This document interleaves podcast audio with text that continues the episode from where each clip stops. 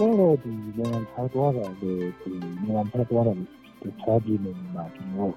အလုပ်ချရဖြစ်ဖြစ်တော့တော့ဒီတော့အားမပေးရကျွန်တော်ခံချက်ကတော့နော်ဒီသားရှိစားတော့ဒီလိုချက်ခဲနေပြီလေအဲ့ဘုတ်ကိုင်ခေါ်တယ်လာလာတော့အစီအမံကြီးရရမယ်ဒါဒီဒါတမီးကိုတမီးဒီ ဘာသာရရ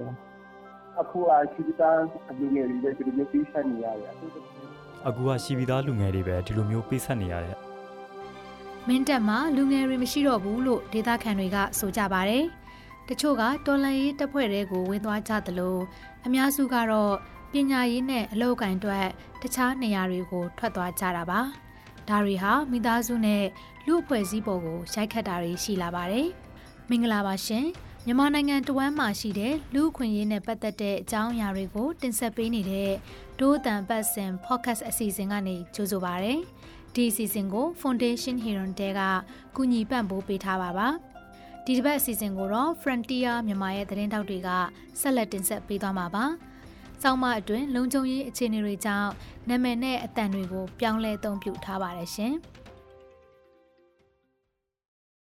အားပြင်းလာတော့ ကျမကြီးမကောင်းတဲ့အချိန်မှာဆိုရင်ချက်ပြေးတဲ့သူတွေမရှိတော့ဘူး။ကျကျမကြီးမကောင်းတဲ့အခါပူပူနွေးနွေးနဲ့တခါတလေစားချင်တယ်အဲ့လိုလိုမျိုးပဲလို့ပြေးလို့မရှိတော့မစားမစားဖြစ်တော့ဘူး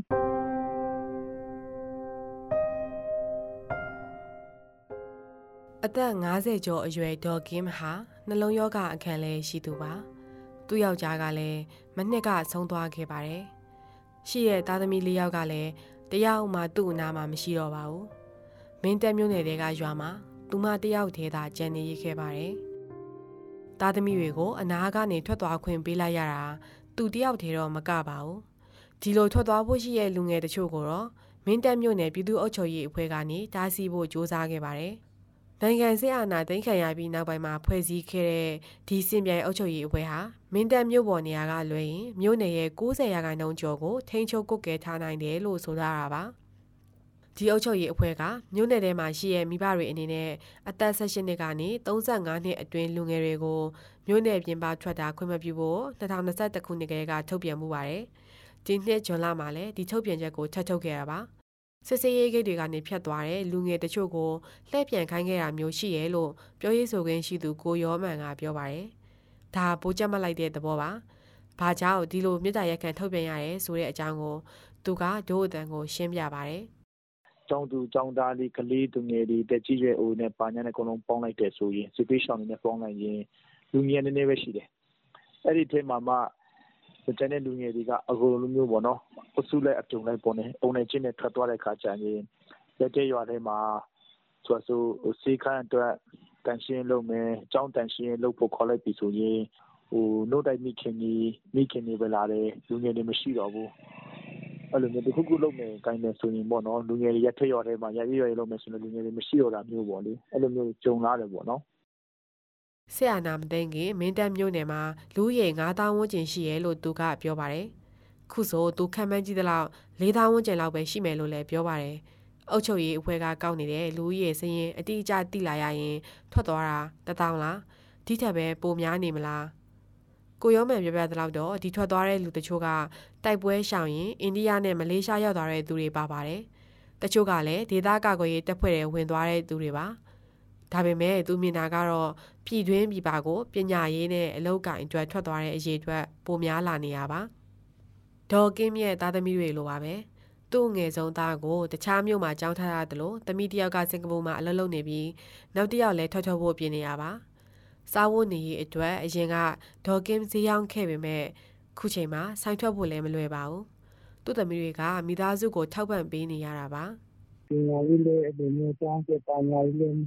ကြားလာဖို့အရေးအစီအမံကြီးရလည်းအလိုမျိုးမိသားစုစားဖို့နေလည်းခက်ခဲနေပြီလေအဲ့ဒါဘုတ်ကိုင်ပေါ်လည်းကြားလာဖို့အစီအမံကြီးရလည်းကာတီကာတီကိုတမီးဒီကားဆက်ရလည်း ချင်းပြည်နယ်ဟာမြန်မာနိုင်ငံမှာအစင်းရဲဆုံးနဲ့ဖွံ့ဖြိုးမှုအနောက်ကျဆုံးဒေသဖြစ်ပြီးလွန်ခဲ့တဲ့နှစ်ပေါင်းများစွာကတည်းကဒေသကနေထွက်ပြီးရွှေ့ပြောင်းသွားလာရခြင်းဆိုတာချင်းလူငယ်တွေအတွက်မစိမ့်နေပါဘူး။ဆရာနာသိမ့်လိုက်ပြန်တော့ပြိပခတွေကြားမှာကျောင်းပညာရေးကမောက်ကမနဲ့အလောက်ကင်ခွင့်လန်းနေလဲရော့နေသွားခဲ့ပါတယ်။စစ်တပ်အာဏာပိုင်တွေကတော့မင်းတပ်မြို့ပေါ်မှာကျောင်းသုံးကျောင်းပြန်ဖွင့်နေပါတယ်။ဒါပေမဲ့ရွာဘက်ကကလေးတွေအတွက်တော့ လုံခြုံရေးနဲ့သွာလာရေးကြောင့်အခက်အခဲရှိပါတယ်။မင်းတပ်ပြည်သူအုပ်ချုပ်ရေးအဖွဲ့ကလည်းမိဘတွေအနေနဲ့မိမိကလေးကိုစစ်ကောင်စီဖွင့်ထားတဲ့ကျောင်းမထားဖို့ပြောဆိုထားတာပါ။ရွာတော်များများမှာဂျားကာလာပညာရေးကိုတူကိုထအကြောင်းတွေရှိနေပေမဲ့နေရလိုအပ်ချက်နဲ့ပညာရေးအဆင့်တန်းအားလုံးကိုမလွှမ်းခြုံနိုင်သေးပါဘူး။အလောက်ကံဘက်ကိုကြည့်မယ်ဆိုရင်မင်းတပ်လူငယ်တွေမှာရွေးစရာကတောင်ရအလုံးဒါမှမဟုတ်အစိုးရဝန်ထမ်းအလုပ်တွေရှိပါတယ်။ တောင်ရလုပ်ပြီးအသက်မွေဖို့ကပြည်ပခါနဲ့တွာလာရေးပြဿနာတွေကြားမှာလောက်ကင်စားသားဖို့မလွယ်တော့ပါဘူး။ဆရာနာရှင်လက်အောက်ကအစိုးရရုံးမှာအလုပ်လုပ်ချင်တဲ့လူငယ်ဆိုတာကလည်းမရှိသလောက်နေပါတယ်။စင်ပြိုင်အုပ်ချုပ်ရေးအဖွဲ့ကလည်းသူ့မှာဝင်လုပ်နေတဲ့ဝန်ထမ်းတွေကိုလစာငွေကြေးမထောက်ပံ့ပေးနိုင်သေးပါဘူးဆလိုင်းအောင်ကအသက်20ကျော်ရွယ်လူငယ်တစ်ယောက်ပါစစ်အာဏာသိမ်းပြီးနှစ်နှစ်ကျော်လောက်အထိကိုကိုတူကိုထအကြောင်းမှာကလေးတွေကိုစာသင်ပေးခဲ့ပါသေးတယ် ဒါပေမဲ့သူ့မှာဝင်ငွေတော့မရှိပါဘူးလေချောင်းတက်ခိုက်တာနဲ့တိုက်ပွဲတွေကလည်းရွာပတ်ဝန်းကျင်မှာခဏခဏဖြစ်ပါတယ်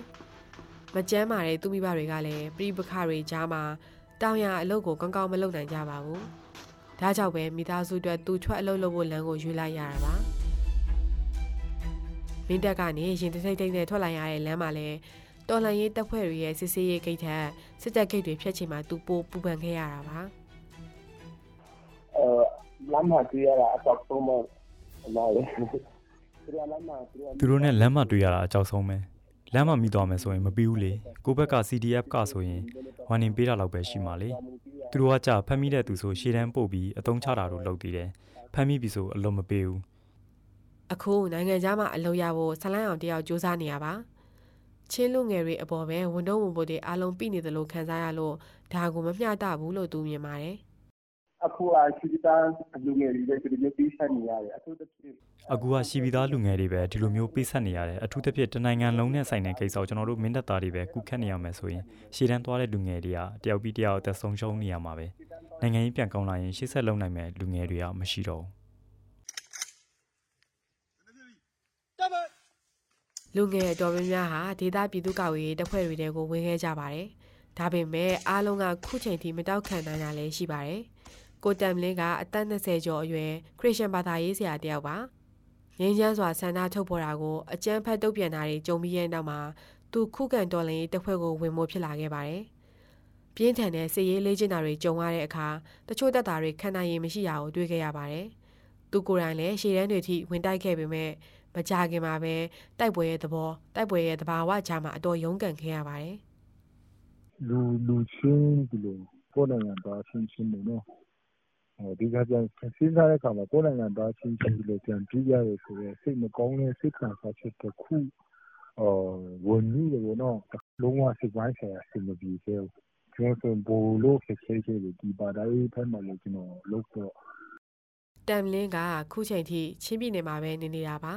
ချင်းလူဖွဲ့စီအတွက်တက်နိုင်တဲ့ဘက်က ပါနိုင်မှုကိုတူကိုထအကြောင်းတွေကို ထောက်ပံ့ရေးအပိုင်းမှာ ကူနေပါတယ်။ ထွက်သွားတဲ့သူတွေကိုတော့ကိုယ့်အတွက်ပဲကိုကြည့်ရတဲ့သူတွေအနေနဲ့သူမြင်ပါတယ်ကျွန်တော်ကတော့ဒီနိုင်ငံခြားသွားတာလေဒီနိုင်ငံခြားသွားတာဒီခြားပြည်နေမှာကျွန်တော်အလုပ်ချရဖြစ်ဖြစ်တော့နော်တိတော့အားမပေးရကျွန်တော်ခံယူချက်ကတော့နော်ဘယ်လဲဆိုတော့ကျွန်တော်အာတမျိုးစဉ်းစားနေတခါတလေကျွန်တော်လေဟိုဒီကလေးမှာအော်လက်နဲ့ကန်နေခက်ခက်ခက်ခက်နဲ့တွေ့ရမှာများရဲ့ချိန်လေးချက်ပန်းဖူးရတယ်ဒီ ကာကွယ်ရေးမှာခက်ခက်ခဲခဲနဲ့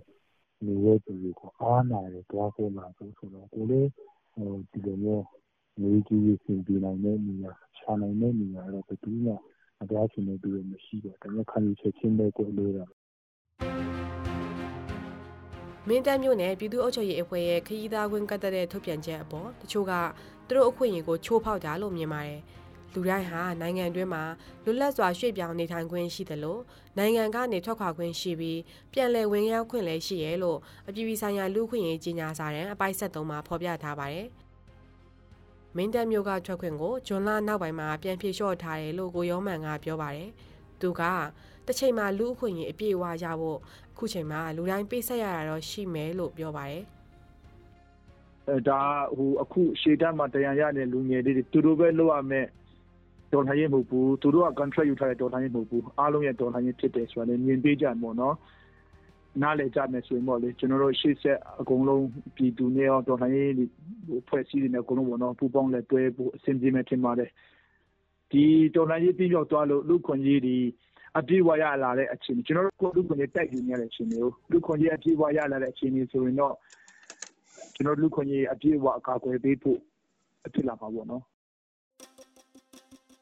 လူငယ်တွေနဲလာတာကတော်လှန်ရေးအဖွဲ့ခေါင်းဆောင်တွေအတွက်တော့ပြဿနာရှိနိုင်ပါတယ်။ဒါပေမဲ့လည်းဒါကမြန်မာနိုင်ငံလုံးကမိသားစုတွေကြုံနေရတဲ့ပိုးကြီးမားတဲ့ပြဿနာတွေပါ။မိသားစုတွေဟာပြိပခနဲ့နေရဲဆုံးခွာရတာကြားမှာအသက်ရှင်ရက်တည်ရေးကိုမနေရုံးကန်နေရပါတယ်။လူငယ်တွေဆိုရင်လည်းမိသားစုနဲ့ခွဲချင်ခွဲရပါစေအလုပ်တစ်ခုရဖို့ရှာကြံနေရပြီးမိဘတွေကိုကြည့်ရှုမဲ့သူမရှိလဲထားခဲ့ကြရပါတယ်။မိဘတွေဆိုတာကလည်းတာသမီကိုပိုကောင်းတဲ့အခွင့်အလမ်းတွေရစေချင်ကြတာပါပဲ။ သားသမီးတွေနဲ့မခွဲချင်လဲပဲ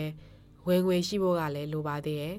မိဘတွေဟာကိုသားသမီးတွေပရိပခတွေရဲ့အဝေးမှာဘေးကင်းကင်းရှိနေစေချင်ပါတယ်ဒေါ်ကင်းလို့ပေါ့သူတို့မရှိတဲ့အချိန်မှာသူတို့နဲ့သူအမရှိဘူးဒါနဲ့သူတို့ပါရစ်ဖြစ်သူတို့ဒီကြောင့်လည်းနည်းနည်းတဲ့မြောက်တဲ့နေရာမှာအင်းခမ်းတဲ့နေရာမှာသူတို့နေပြီးဆိုရင်နည်းနည်းကွာစိတ်ချမ်းသာကြပေါ့ နိုင်ငံရေးကောင်းရင်တော့အဲ့လိုမျိုးဒီသားသမီးတွေဟိုရောက်ဒီရောက်မရောက်ဘူးအိမ်မှာကြည့်ကြည့်နေအဲ့လိုလေးယူရမှာဒိုးတန်ရဲ့ဒီတစ်ပတ်အစီအစဉ်ကိုနားဆင်ပေးတဲ့အတွက်ကျေးဇူးတင်ပါတယ်ရှင်။နားဆင်သူတွေရဲ့လူမှုကွန်ရက်ပေါ်ကနေဝေဖန်အကြံပေးတာတွေကိုလည်းကြိုဆိုပါရစေ။ဒီအစီအစဉ်ကိုအလှူရှင်တွေရဲ့ကူညီမှုနဲ့ Foundation Heron တဲကပံ့ပိုးပေးထားတာဖြစ်ပါတယ်။နောက်တစ်ပတ်ထုတ်လွှင့်မဲ့ ဒိုးအတန် podcast ကိုလည်းစောင့်မျှော်နှားဆင်ပေးကြပါအောင်ရှင်။